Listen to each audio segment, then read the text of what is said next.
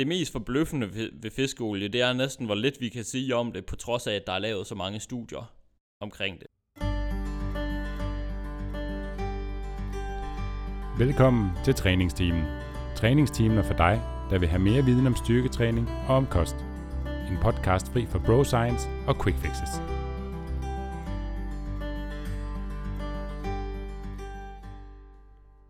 Velkommen til episode 21 af træningsteamen. I dag skal Nikolaj Bak, Rune Hokken og jeg snakke om kosttilskud, der faktisk virker. Efter episoden om kosttilskud, som er spild af penge, har du måske tænkt på, hvilke kosttilskud, der må så virker. Og i denne episode får du svar på, hvilke kosttilskud vi anbefaler vores kunder i Fisker Performance, og hvilke kosttilskud, der har en dokumenteret effekt. Så lad os komme i gang med dagens episode.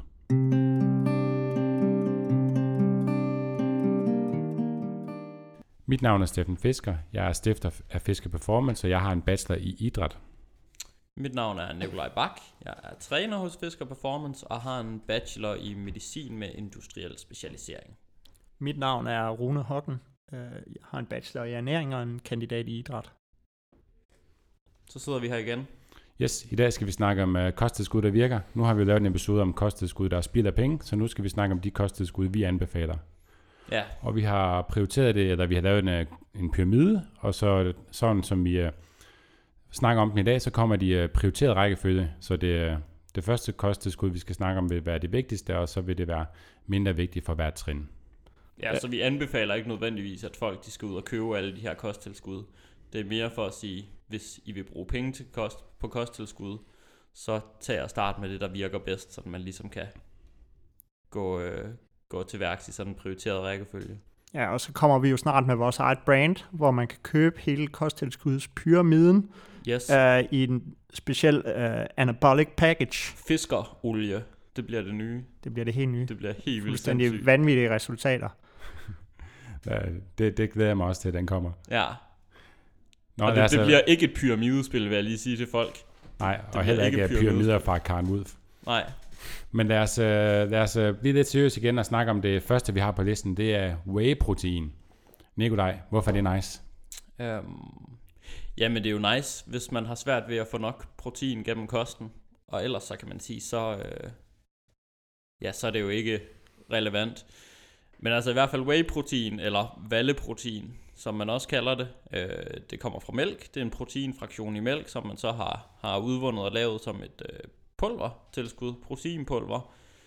Ja, og så er det jo en, for mange, så kan man sige, så er det en nem og belejlig løsning til at få nok protein, hvis man har svært ved at få det ellers gennem kosten. Men der er ikke noget magisk ved det. Det er en høj kvalitet, fordi det kommer fra mælk. Øhm, og ja, ellers så, øh, så er det jo bare protein, ligesom protein fra kosten, på, øh, på koncentreret form. Ja, som hjælper med at restituere og bygge muskelmasse. Ja, lige præcis. Vi snakkede jo om i vores øh, episode protein og muskelopbygning. Der snakkede vi om, at proteinbehovet det er øget i forbindelse med styrketræning. Hvis man vil have optimal muskelopbygning på sådan sandsynligvis 1,6 gram per kilo kropsvægt for de fleste. Måske helt op til lige over 2 gram, hvis man skal være på sådan på den helt sikre side. Og hvis man ikke får nok protein gennem kosten, jamen så kunne løsningen jo være at lave en, øh, lave en shake med valleprotein. Eller andre typer proteinpulver. Det er bare, valle det er det billigste, og det er samtidig det, der er højst sådan ernæringsmæssig kvalitet i forhold til de aminosyre, der er i det. Ja, kontra du mener sojaprotein eller risprotein Ja, eller risprotein, eller ærteprotein, eller Ja. ja. alle de der andre typer protein. Er det noget, man kan mærke? Man hører tit øh, nogen øh, benævne, at øh, jeg kan ikke mærke, at jeg tager whey-protein. Ergo må det ikke gøre noget. Det skulle man gerne heller ikke kunne mærke. Så jeg, jeg kan huske, jeg læste, det var super sjovt, sådan en gammel øh, kosttilskudsreklame. Nu kommer der lige en, øh, en anekdote. Øhm, men med en eller anden fitnessatlet, der havde prøvet sådan en ny, må, må jeg sige, hvad mærket hedder? Ellers så må du øh, det- space det ud igen. Ja, ja. Sådan et eller andet mutant way, eller sådan noget, hvor han sagde, at han kunne mærke, at hans krop den muterede bare, og han kunne mærke, hvordan den her shake, den fysisk kom helt ud i fingrene på ham. Og det virkede helt vildt godt, fordi han havde dårlig mave først, og, og skulle ligesom gennemgå en positiv mutation. Det skrev han, før han ligesom kunne respondere på det her øh, valleprotein. Ah. Så det er super fedt. Men nej, man kan ikke mærke det. Nej, Nej. man skal ikke gennemgå en positiv mutation, før man kan, øh, før man kan bruge valleproteinpulver. Er der altså noget at tilføje til, til whey-protein? Ja, men grundlæggende så, så, så består den helt store værdi i whey-protein jo i det praktiske aspekt. Helt simpelt, så er det bare lettere at rende rundt med sådan en pose øh, lækkert hvidt eller mørkebrun pulver, øh, end det er at slæbe, øh, slæbe sådan en stik kylling med rundt, ikke? Jo. Fuldstændig enig. Og så kan man sige, hvis man har et højt indtag af sådan noget som rødt kød, så vil det måske være en god idé at skifte noget ud af det med en øh, blended shake med valleprotein og grøntsager for eksempel. Øh, der kan være noget, hvis man har et højt proteinindtag fra, fra rødt kød alene, at det nok ikke er, er skide smart. Så er det jo rart at have noget belejligt at bruge i stedet for. Ja. Ikke at det skulle være fra proteinpulver. Men Det er måske værd, nu øh, sidder du i en øh, t-shirt fra et kendt dansk øh, kosttilskudsfirma her, Nikolaj. yes, Meget, meget biased, øh, men jeg er alligevel nødt til at spørge, hvad, hvad, hvad skal man kigge efter, hvis man vil købe proteinpulver? Det- Altså, det kan være, at vi lige skal starte med at sige, at den her øh, episode, den bliver faktisk optaget direkte fra min, øh, fra min pengetank. så I kan høre, pengene, de, de vælter bare nu omkring os nu. øhm, som selvfølgelig jeg har fået af, af Bodylab. Øhm, men nej, det man skal kigge efter, når man kigger på proteinpulver, det er, at jeg vil først og fremmest købe dansk. Øh, i forhold til, til kvaliteten, og det ligesom er det, der, der er underlagt Fødevarestyrelsen. Men ellers, om man køber isolat, eller om man køber koncentrat, det er for så vidt lige meget, hvis ikke man, man ikke kan tåle laktose for eksempel. Mm. Ja, så kan det være noget med, hvis man vil spare nogle få kalorier, så købe isolat og så videre. Ja, men det, så er det meget få kalorier, vi ja. Ja. er ude i. Men det er klart, hvis man nu er fitnessatlet eller et eller andet, og virkelig er presset på kalorier. Ja. Men det er ikke fordi proteinet i isolat er bedre end det, der er i koncentrat. Jamen, øh, skal vi hoppe til øh, nummer to? Creatine. Kreatin. Hvorfor er det nice, Rune? Det kan være, at vi skal snakke om, hvad kreatin egentlig gør. Sådan helt øh, grundlæggende. Hvad, hvad gør kreatin? Det gør, at du gennemgår en positiv mutation.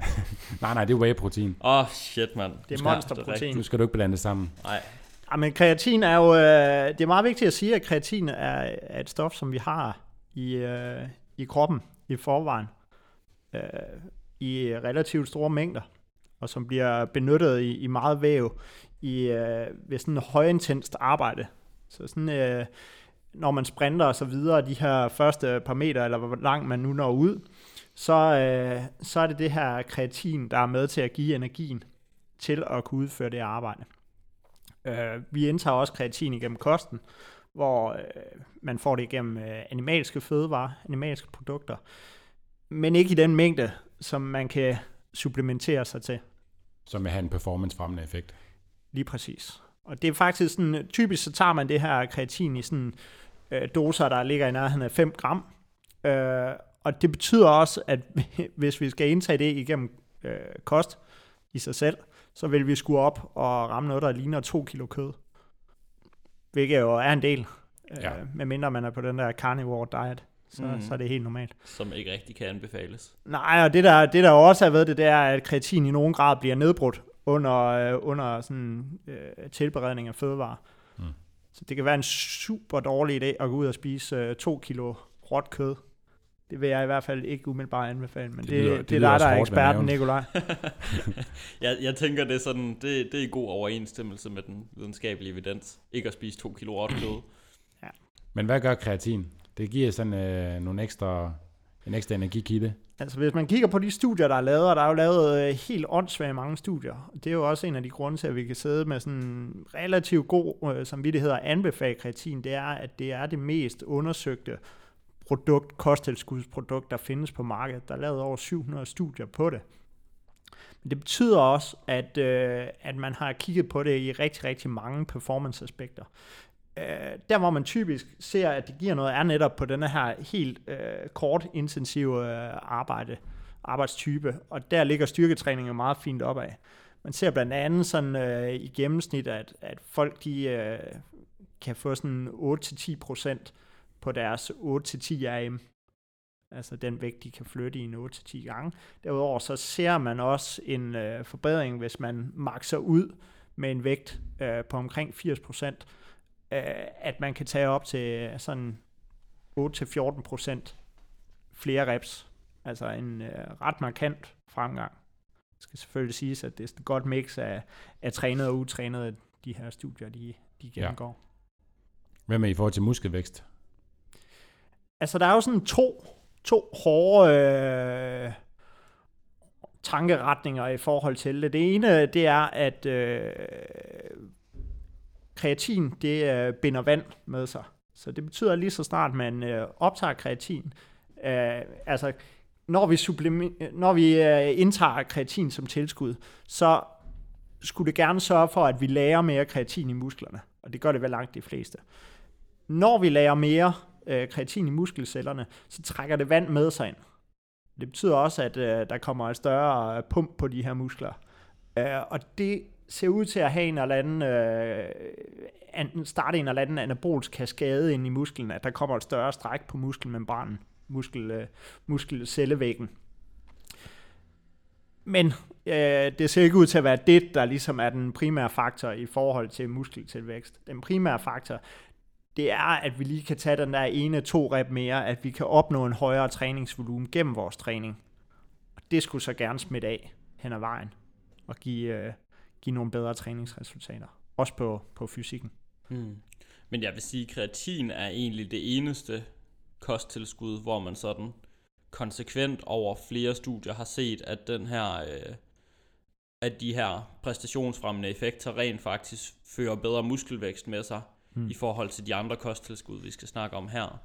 Så er der selvfølgelig, nu nævner du den her øh, øgning i, øh, i væske, som også lidt er en confounder i de her studier, fordi tit så er det svært at differentiere mellem, hvad er øgning i fedtfri masse generelt, altså der også er væske, og hvad er bare øgning i, øh, i muskelmasse.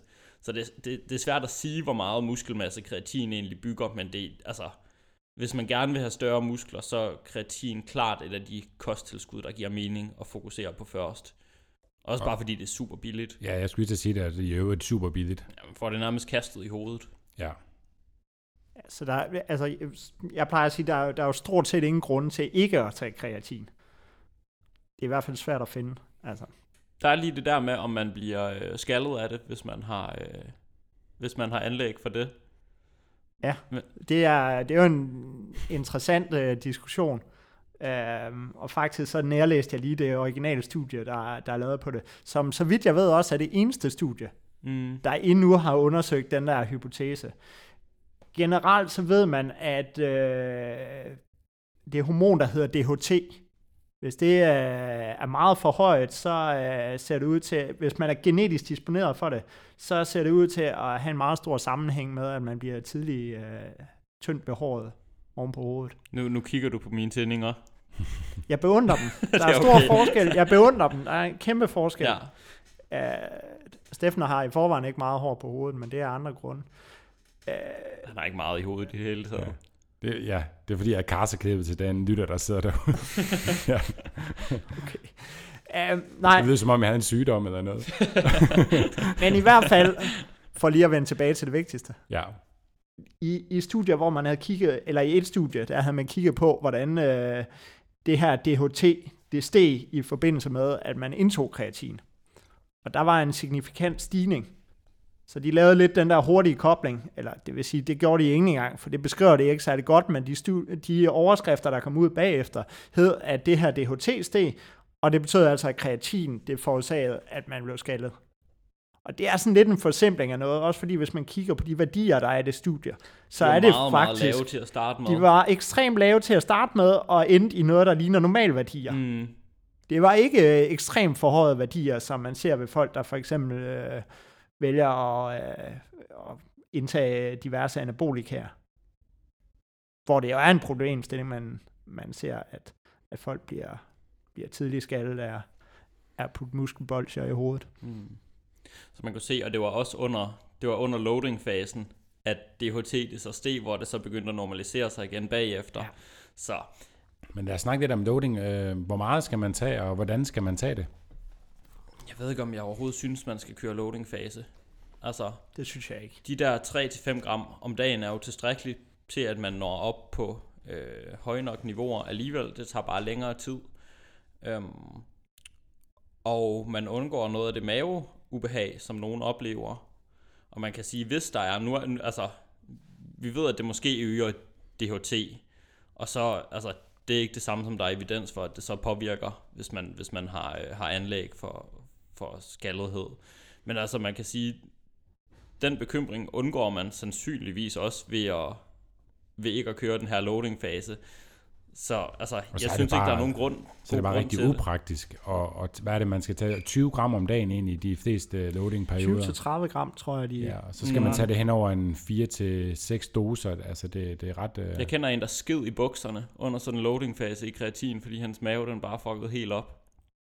Og der er ikke noget, der ser ud til, at øh, det skulle virke bedre. Det er, en, det er en nice anekdote. Men der er ikke noget, der ser ud til, at loading-perioder skulle virke bedre, end at, end at bare køre en fast dosis øh, dagligt. Altså, det stammer jo fra, fra den videnskabelige litteratur. Der har man jo ikke lige øh, 4-6 ugers øh, tid til at vente på, at folk opbygger de her niveauer i musklerne. Og så fandt man ud af, at okay, en loading fase var egentlig smart, fordi så kunne man øh, i løbet af 5-6 dage få dem op på de niveauer, som man gerne vil. Så sparer man 2-3 ugers øh, studie, og det er rigtig, rigtig mange penge mm. i sådan en Mm. omgang der, ikke? Så, så det er egentlig bare der, det stammer fra, men der er ikke nogen nødvendighed. Altså det handler jo om at få hævet de niveauer, vi har i musklerne. Og om man gør det i løbet af 6 dage, eller om man gør det i løbet af 14 dage, betyder ikke så voldsomt meget, eftersom de fleste er på kreatin i rigtig, rigtig, rigtig lang tid, over en lang periode. Ikke? Ja, apropos det, øh, skal man holde pause med det? Det er et meget typisk spørgsmål. Der er mange, der mener, at man skal holde pause hver tredje måned. Før i tiden, der anbefalede man det altid, øh, fordi at det ikke var et særligt godt undersøgt præparat. Når det ikke er et særligt godt undersøgt kosttilskud, så, så giver det god mening at sige, ah, vi, vi stopper lige. Også fordi netop kroppen syntetiserer selv koffein, øh, slår, øh, kreatin. Så man var lidt bange for, øh, at hvis du øh, supplementerede over flere år, at så lige pludselig så øh, kunne kroppen ikke selv finde ud af at danne kreatin mere. Det har man så fundet ud af, at det kan den godt. Den nedsætter selvfølgelig egen produktion, men den opjusteres umiddelbart efter. Ja, og så ser det måske ud til, at sådan musklernes niveauer af kreatin, de falder en lille smule, når man har brugt det i noget tid. Så er der nogen, der spekulerer i, om man, man overall kan få et højere niveau af at holde pause. Men så spørgsmålet bare, om der er nogen fordele ved det. At man holder den der pause, hvor niveauerne så falder ned, og til gengæld kommer lidt højere op senere hen. Altså, jeg ser heller ikke noget godt sådan teoretisk rationale for, at man, man skulle holde de her pauser, som folk snakker om. Der er en Det lille er smule... fint nok at gøre, men Ja, der ligger en lille smule på den der idé om, at øh, der er en eller anden, der er et eller andet anabol stimuli det øjeblik, man starter på kreatin. Øh, og den der stress, som, som nævnt over, over cellevæggen og så videre, vandophobning i sig selv fungerer som en eller anden, øh, det, det tænder nogle, øh, nogle anabolske øh, genekspressioner. Men det er meget, det er meget søgt, vil jeg sige, at gå ind og, og og derfra konkludere, at så skal man cycle kreatinen. Det, Mm. Jeg, jeg plejer at anbefale sådan lidt lavpraktisk, at hvis man alligevel skal på en sommerferie eller efterårsferie, så lad være med at tage kreatin med der, og så har du en naturlig pause der. ja, de der pauser, de kommer sgu nok alligevel på et eller andet Ja. tidspunkt. Det er lidt ligesom med deloads. Ja, det, det er helt rigtigt. Jeg tager det altid med i sådan en lille gennemsigtig pose, så skriver jeg kokain på den pose, og så har jeg en fest i lufthavn. Fordi du tjener mange penge. Også det, ja. Jamen, øh, er der mere at sige til det? Til kreatin? Nej, skal vi tage næste på listen? Ja, Næste lag i øh, pyramidas. nummer tre. Jeg vil lige uh, have indskudt, at jeg synes, uh, specielt sådan en onsdag formiddag her, at Tirsdag. det er det samme. uh, Lille onsdag. lille onsdag, ja. At den burde have ligget i toppen, den her. I min personlige pyramide, der havde den her været helt på toppen. Der havde, der havde bare, bare været en pyramide, hvor der bare stod koffein. Ja, den skulle have en pyramide for sig selv. Den hed bare kaffe. Ja, Bare koffein. fordi som øh, lytterne nok har gættet nu, så er det næste øh, kosttilskud på listen, det er koffein. Rune, fortæl om øh, din store kærlighed til koffein, og også lidt om koffein måske. Nå, med alle de tilskud, vi har snakket om, så er koffein jo nok det mest brugte i det danske samfund. På verdensplan i det hele taget, vil jeg tro. Det er bare gætværk. Jeg har ikke uh, set noget data på det. Der er i hvert fald mange, der drikker kaffe. Der er ufattelig mange, der drikker kaffe. Det er der ingen tvivl om. Øhm, og udover at kaffe jo smager godt, hvis det er lavet ordentligt, så er der øh, også nogle, øh, nogle rigtig fine virkninger af det i forhold til performance, som er det, vi skal snakke om i dag Mm. primært. I sidder bare begge to med julelys i øjnene, nu vi snakker om kaffe.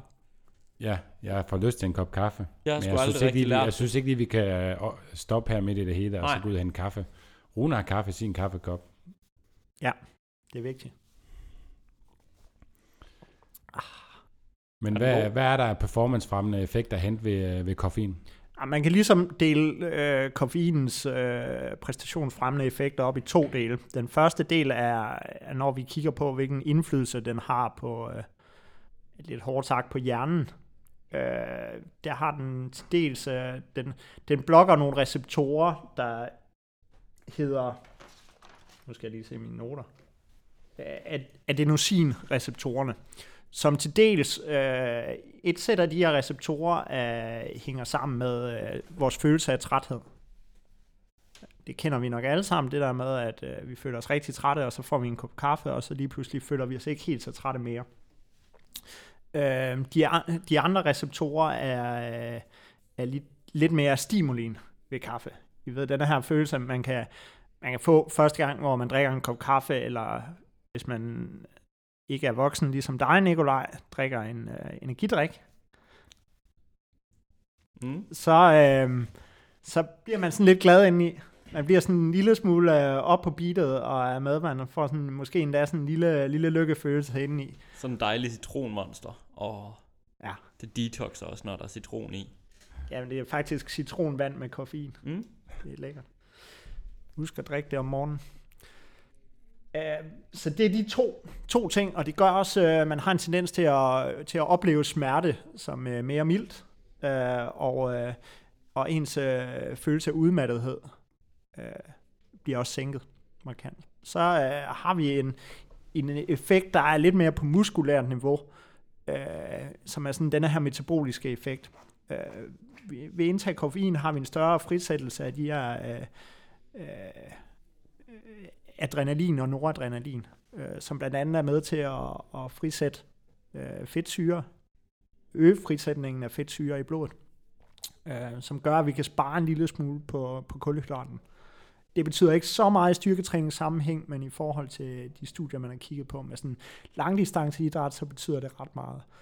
Og øh, jeg skal ikke øh, kunne afvise, at det faktisk kunne have en betydning for folk, der har længere træningspas, men det er en anden diskussion. Sådan dag. crosserfetter og sådan nogle. Ja, men måske også bare folk, øh, som tager øh, tre timer ned og har, øh, har ultimate back days, eller biceps days, eller et eller andet i den stil. Ikke? marathon.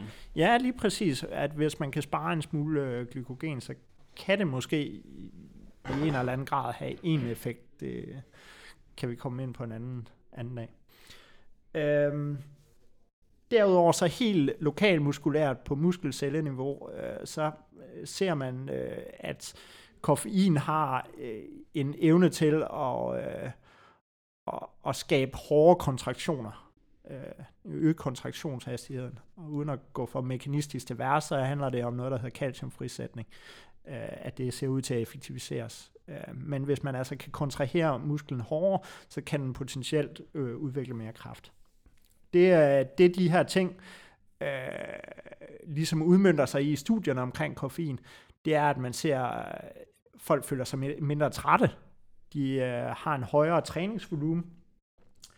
De får flere reps med en given vægt. Og i nogen grad ser det også ud til, at man bliver en lille smule stærkere akut. Øh, det betyder dermed ikke, at du kan hælde to monster i hovedet, og så kunne direkte hen og løfte 15 kilo mere, end du kunne før i, øh, i bicep curls. Men der ser ud til at være en, en lille smule om, at øh, hvis man er helt jacked på, øh, på kaffe, så, øh, så er der måske lidt at komme efter. Var, var, var koffein engang på dopinglisten? Eller, øh, det var jo ikke som sådan på dopinglisten, men der var, øh, der var en, en eller anden limit for, hvor meget koffein du måtte have i blodet, når du løfter. Men den har de så fjernet igen. Jeg tror, det var for svært at, svært at regulere. Ja. Men det siger lidt også om, hvor, hvor potent det kan være. Ja, eller hvor fjollede regler man nu har haft. Ja. Eller man, altså nogle gange så laver man jo nogle regler, og så må man indse bagefter, at dem kunne man ikke selv finde ud af at, at, at administrere, og så kan man lige så godt droppe dem igen, ikke? Altså, Men der er ikke noget farligt ved koffein. hvis man får for meget af det. For, ja, men det, det kan man sige til alt. Mm. Men, men inden for fornuftige doser. Hvad for nogle doser skal man jo tage for at få de her performancefremmende effekter? Vil du snakke øh, en lille smule, Nicolaj? Jo, det kunne jeg godt. Jamen, øhm, alt efter studierne, så ligger det jo på sådan 4-6 milligram, måske 3 milligram i den lave ende, måske helt op til, til 8-9 stykker. Øhm, hvad hedder det, milligram per kilo kropsvægt. Og det er en hel del koffein, hvis man ligger i den høje ende. Øhm, det er ret meget.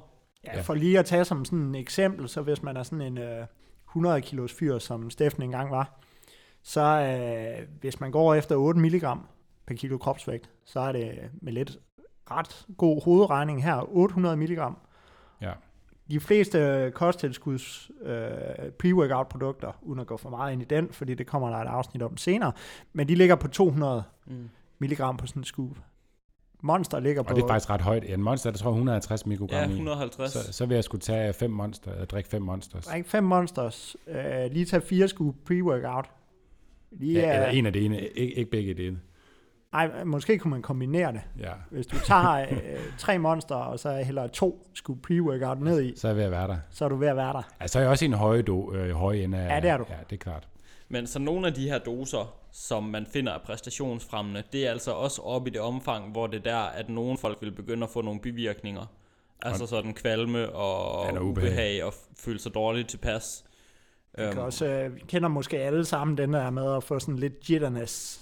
Det her, øh, de der fingre, øh, sådan lidt angst, angstfølelse. Den der, det engelske, det engelske anxiety rammer det lidt, øh, lidt bedre, ikke? Den der følelse af uro.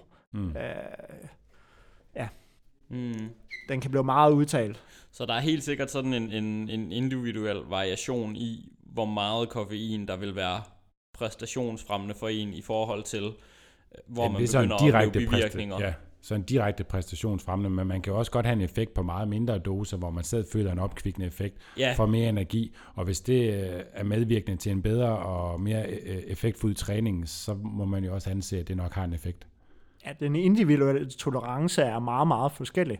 Og derfor er det også øh, vigtigt, jeg, jeg har før snakket med folk omkring dosis af koffein, øh, hvor jeg har sagt, okay, men måske i snit sådan noget 5 mg per kilo kropsvægt, og så har de gået ud direkte og hamret tre monster inden deres næste træning, fordi de tænkte, det var det, var det han sagde.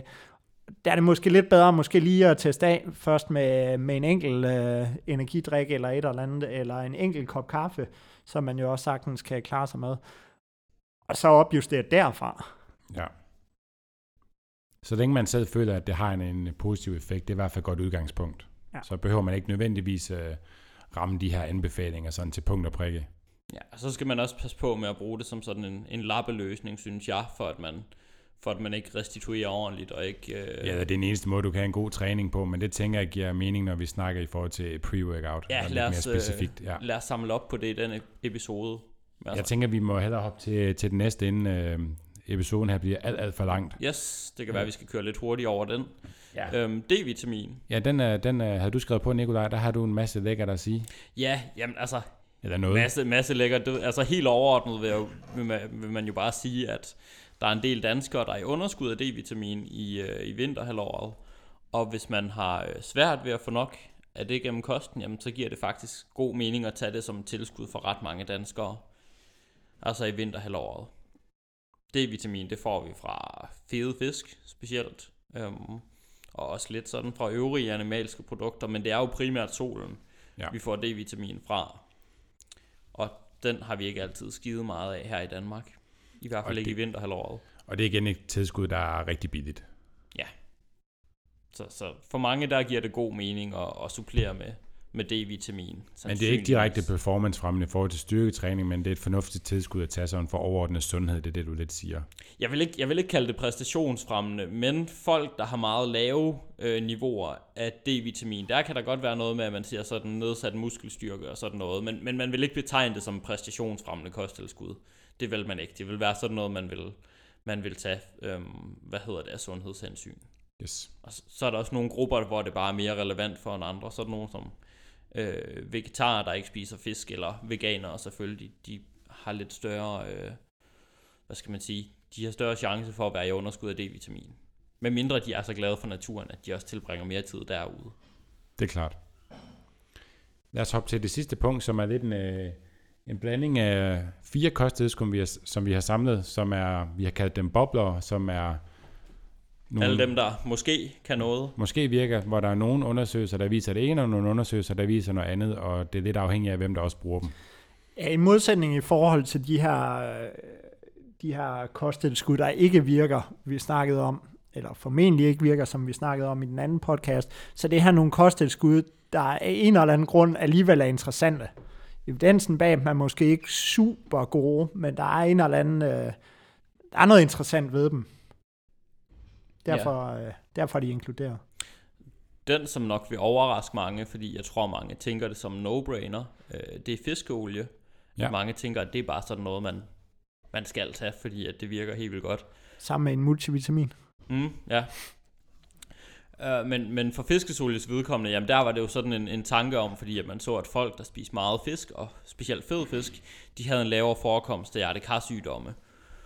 Og så har man tænkt, okay, det giver god mening, at det skyldes de her øh, fiskeolier, der er i fisken, så derfor kan vi lave det som et kosttilskud. Men det mest forbløffende ved, ved fiskeolie, det er næsten, hvor lidt vi kan sige om det, på trods af, at der er lavet så mange studier omkring det. Altså de større metaanalyser og, og sådan systematiske reviews, de viser, at der i bedste fald er en meget lille effekt sådan på, på hjertekarsygdom og biomarkører for det, øhm, eller at der ikke er nogen effekt. Så, så den her sundhedsfremmende effekt, man ser af at spise fede fisk, den, den ser man bare ikke for tilskud af fiskeolie. Og så kan man snakke om, hvorfor, hvorfor det er. Øh, det kan enten være, at fiskeolien bare ikke har den effekt. Det kan også være, at det er fordi, at mange af de her studier, de har doseret fiskeolien for lavt. Mange af dem bruger ret lave doser. Øhm, det kan også være sammensætningen af fiskeolien deri, hvor at et af de studier, der rent faktisk viste en positiv effekt, det var en, der havde en, en høj mængde af den øh, fedtsyre, der hedder EPA. Man snakker om, at fiskolie består af EPA og DHA, og så er der sådan forskellige ratio mellem dem. Øhm, så det er stadigvæk sådan et tilskud, som der ikke er skide god evidens for, men på trods af, at der er lavet så mange studier omkring det, så er vi heller ikke sikre på, om der kan være noget øhm, for folk, der måske sådan er i risikozonen for hjertekarsygdom, øhm, eller ved en anden dosering, måske med en anden sammensætning af fiskolien. Så det er ikke sådan noget, jeg, jeg siger er dumt at bruge, hvis man ikke spiser fede fisk. Man skal bare der, ikke, der, det er ikke negativt, altså. Nej, man skal bare ikke regne med samme sundhedseffekt som, som for de fede fisk.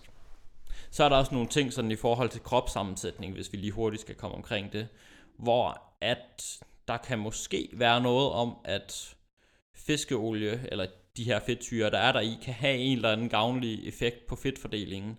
Der er nogle studier, der viser sådan en lille reduktion af, øh, af fedtet omkring de indre organer, som sådan er det her sundhedsskadelige fedt øhm, ved brug af fiskeolie. Men igen, det, det er en meget minimal effekt. Og det er noget, vi ikke kan sige noget, noget særligt konkret om endnu, før der ligesom er større studier på det. Men, men det er meget interessant i hvert fald. Yes. Også lidt interessant, fordi for bare 5-10 år siden var det jo sådan en no-brainer. Mm. Det var, man tog bare fiskolie, ikke? Ja, og det var D-vitamin jo faktisk også, hvor det også er lidt svært at sige nu stadigvæk, om er det fordi folk, der tilbringer mere tid ude i solen, de, øh, de også generelt er sundere. Øhm, har det noget at gøre med, at folk, der øh, er syge, ikke kommer særlig meget ud i, i solskinnet og værre? Altså, der er mange confounders omkring det her, og det er også derfor, at de kosttilskud, de ligger, de ligger højere op i pyramiden. Mm. Men lad os uh, hoppe til næste. Citrulinmalat. Det kan være, at vi næsten skal tage dem alle sammen under, under en. Ja, skal vi ikke slå dem sammen? Øh, vi valgte tre, som hedder citrulinmalat, betalanin og, øh, og bagepulver. Giv den gas, Rune.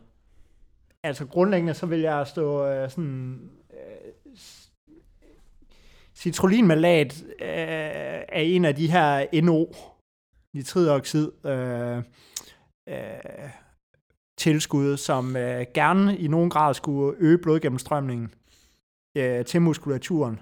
Og tanken er jo så, at øh, hvis vi får øget blodgennemstrømning, så får vi et øh, bedre pump, og så øh, øh, restituerer vi hurtigere og kan lave mere arbejde øh, i den periode, vi træner. Det er sådan lidt, øh, lidt hårdt sagt. Altså, vi får udvidet blodkarrene, og dermed får, får, får øget blodgennemstrømning. Mm. Ligesom rødbedesaft, som nogen måske har. Lige hørt præcis. omtalt, Det, ja. det er samme, og arginin er også øh, Mm. samme princip. Øh, og vi kommer også lidt mere ind på det under de her pre-workout produkter. Øh, citrulinmalat kan det øh, helt, øh, helt, helt fantastiske, som øh, ganske få af de her andre ting kan, at det faktisk smager rigtig, rigtig godt, synes jeg. Det er sådan lidt... Øh, Det lidt er sådan lidt syrligt. Ja, det smager sådan lidt syrligt. Perfekt i sådan ribena saft til vand. Eller sådan. Jeg har ikke smagt det, må jeg indrømme. Nej, det skal, det skal du prøve, det er ret lækkert. Det smager øh, super godt sammen med BCA, hvis man øh, har for mange penge. Ja, og rent anekdotisk, så synes jeg, det giver sådan et lækkert pump. Det, Ja. er, Det oplevede jeg også, dengang jeg lavede okklusionstræning, og så sammen med, øh, med citrullin, der synes jeg også, øh, der var fucking spark på. Ja. Men igen, det betyder ikke nødvendigvis, at det er sådan nej, nej. præstationsfremmende af den grund. Men Det altså, betyder ikke, det er games, men, men alle kan godt lide pump. ja, lige præcis. Langt vigtigere end, end præstation. Men øh, det er ikke så veldokumenteret, at man, I, I vil sige, at det er noget, der virker.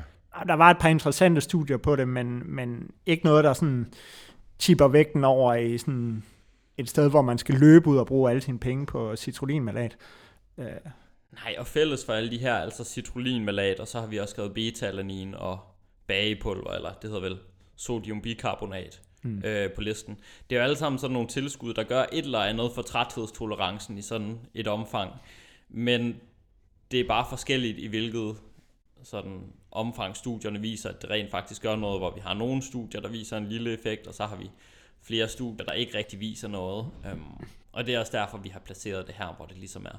Det er de ting, der måske kan et eller andet, øh, måske ikke skide meget, men har en eller anden effekt.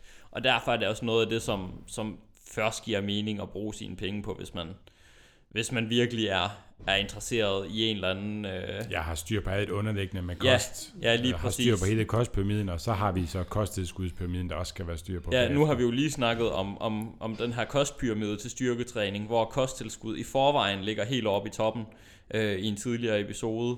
Og det er så først, når vi kommer op i det her lag, så kommer der en helt ny pyramide, hvor at der i toppen af den ligger alle de her bobler. Så der er altså ret meget, der giver mening at få styr på, før man kaster penge efter øh, citrullin og beta-analin og så videre. Jeg synes, vi kan snakke lidt mere om citrullinmalat og øh, om beta-alanin, når vi snakker pre-workout. Øh, bagepulver er sådan lidt en anden størrelse. Også fordi man af gode grunde ikke rigtig ser det, øh, ser det anvendt øh, i nogen som helst øh, produkter. Og det er jo primært forbi altså tanken er jo, at, øh, at vi kan hæve mængden af bikarbonat i blodet. Og med et hævet øh, mængde af bikarbonat i blodet, som er øh, den primære syrebuffer, så kan vi øh, udskyde denne her forsuring af muskulaturen en smule, og dermed øh, kan holde længere tid. I, Medmindre øh, man skider i bukserne. og det er jo netop det, der er det helt store problem, og nu joker vi lidt omkring det, men, men de studier, der er lavet på området, viser, at øh, hvis man doserer i de mængder, hvor det virker, så får man rigtig, rigtig ondt i maven tit, eller en stor andel har meget, meget lav tolerance for det, og decideret skider i bukserne. Uh, så har man forsøgt sig lidt med sådan noget mikrodosering op over en hel dag for at hæve det her, det ser ud til at være lidt mere nænsomt. Men grundlæggende så er der, øh, så er der nok mange årsager til, at det ikke er blevet et super hammerende populært produkt at bruge øh, i Bag- alle mulige Kan, kan eventuelt kombineres med en voksen blæ. Ja. Det ved jeg, du har erfaring med, Steffen. Nej, ikke, ikke i den her sammenhæng. øh, det, det er en anden historie. Ja, den, den tager vi Personlige anekdoter. Øh, jeg har smagt bagepulver. Har I smagt det? Det Ja. smager, i kage. Det er frygteligt. det smager øh, frygteligt at blande op med vand. Altså, det føles som om ens tænder, de ætser. Ja. Er det er helt frygteligt. Er det værre end HMB? Det har jeg ikke smagt, men Okay. det, Ja. kunne jeg, jeg, Ja, ja, ja, det, ja det kunne jeg kun forestille jamen, mig. det er det sådan yd, to yderpunkter i forskellige skalaer. Okay. Jeg kunne ikke forestille mig, at noget kan være meget værre end bagepulver blandet op i vand. Måske hvis du blander det med HMB. HMB og bagepulver blandet op i vand. Det prøver vi lige næste det, gang. Det, det, vi kommer i fiskeolien. Ja. Ja. Det, det bliver det tilskud, vi sælger. Det kan være, at vi skal have sådan en, en stor shaker med det bagefter Ja. ja. til næste episode. Mm. Jamen, så kom vi godt igennem. Er der ellers noget afslutningsvis at sige? Nej, det har været hyggeligt. Det har været rigtig hyggeligt. Jeg vil godt øh, sige en enkelt ting, og det er, øh, kosttilskud er jo sjovt. Jeg plejer at fortælle folk, at hvis det giver dem et eller andet øh, ny øh, træningsglæde og forsøge af med kosttilskud, så skal de være hjertens velkomne. Det eneste, jeg vil sige, det er, at der, der er en meget, meget vigtig ting i det. For det første, er der nogle bivirkninger ved det, så kan det godt være, at man skal holde lidt igen. Nummer to ting, hvor meget koster det?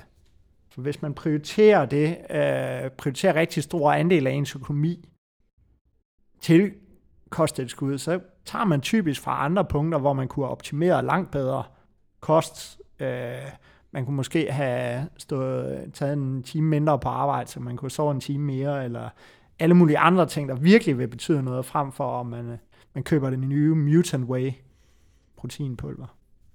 Så, så, så længe ting øh, koster meget lidt og uden bivirkninger, så kan man jo sagtens forsøge sig med det øh, og teste af selv. Det er da fint. Men man kan, man kan let komme til at købe sig fattig for en meget lille sådan samlet effekt. Ja. Det er ikke nødvendigvis sådan skide god cost-benefit. Jamen, øh, lad os afslutte med de ord. Skal vi uh, takke af fra proteinpulver, pengetanken? Ja, lad os gøre det. Lad os øh, gå ud og bade i penge. Ja, det bliver fedt. Tak for i dag. Og det var så afslutningen på denne episode. Hvis du kunne lide den her episode og gerne vil vide, hvornår den næste episode udkommer, så har vi oprettet en Facebook-gruppe, som du kan tilmelde dig. Herinde har du mulighed for at stille spørgsmål til den enkelte episode og komme med forslag til emner, vi skal tage op til kommende podcast-episoder. Facebook-gruppen hedder Træningsteamen, og jeg håber, at du vil være med. Derudover, hvis du kunne lide den her episode, så vil vi sætte stor pris på en anmeldelse i din podcast-app. Og hvis du gerne vil læse mere om Fisker Performance og hvad vi ellers foretager os, så kan du følge os på både Facebook og på Instagram under navnet Fisker Performance. Og så er der vist ikke andet end at sige tak fordi du lyttede med. Vi høres ved.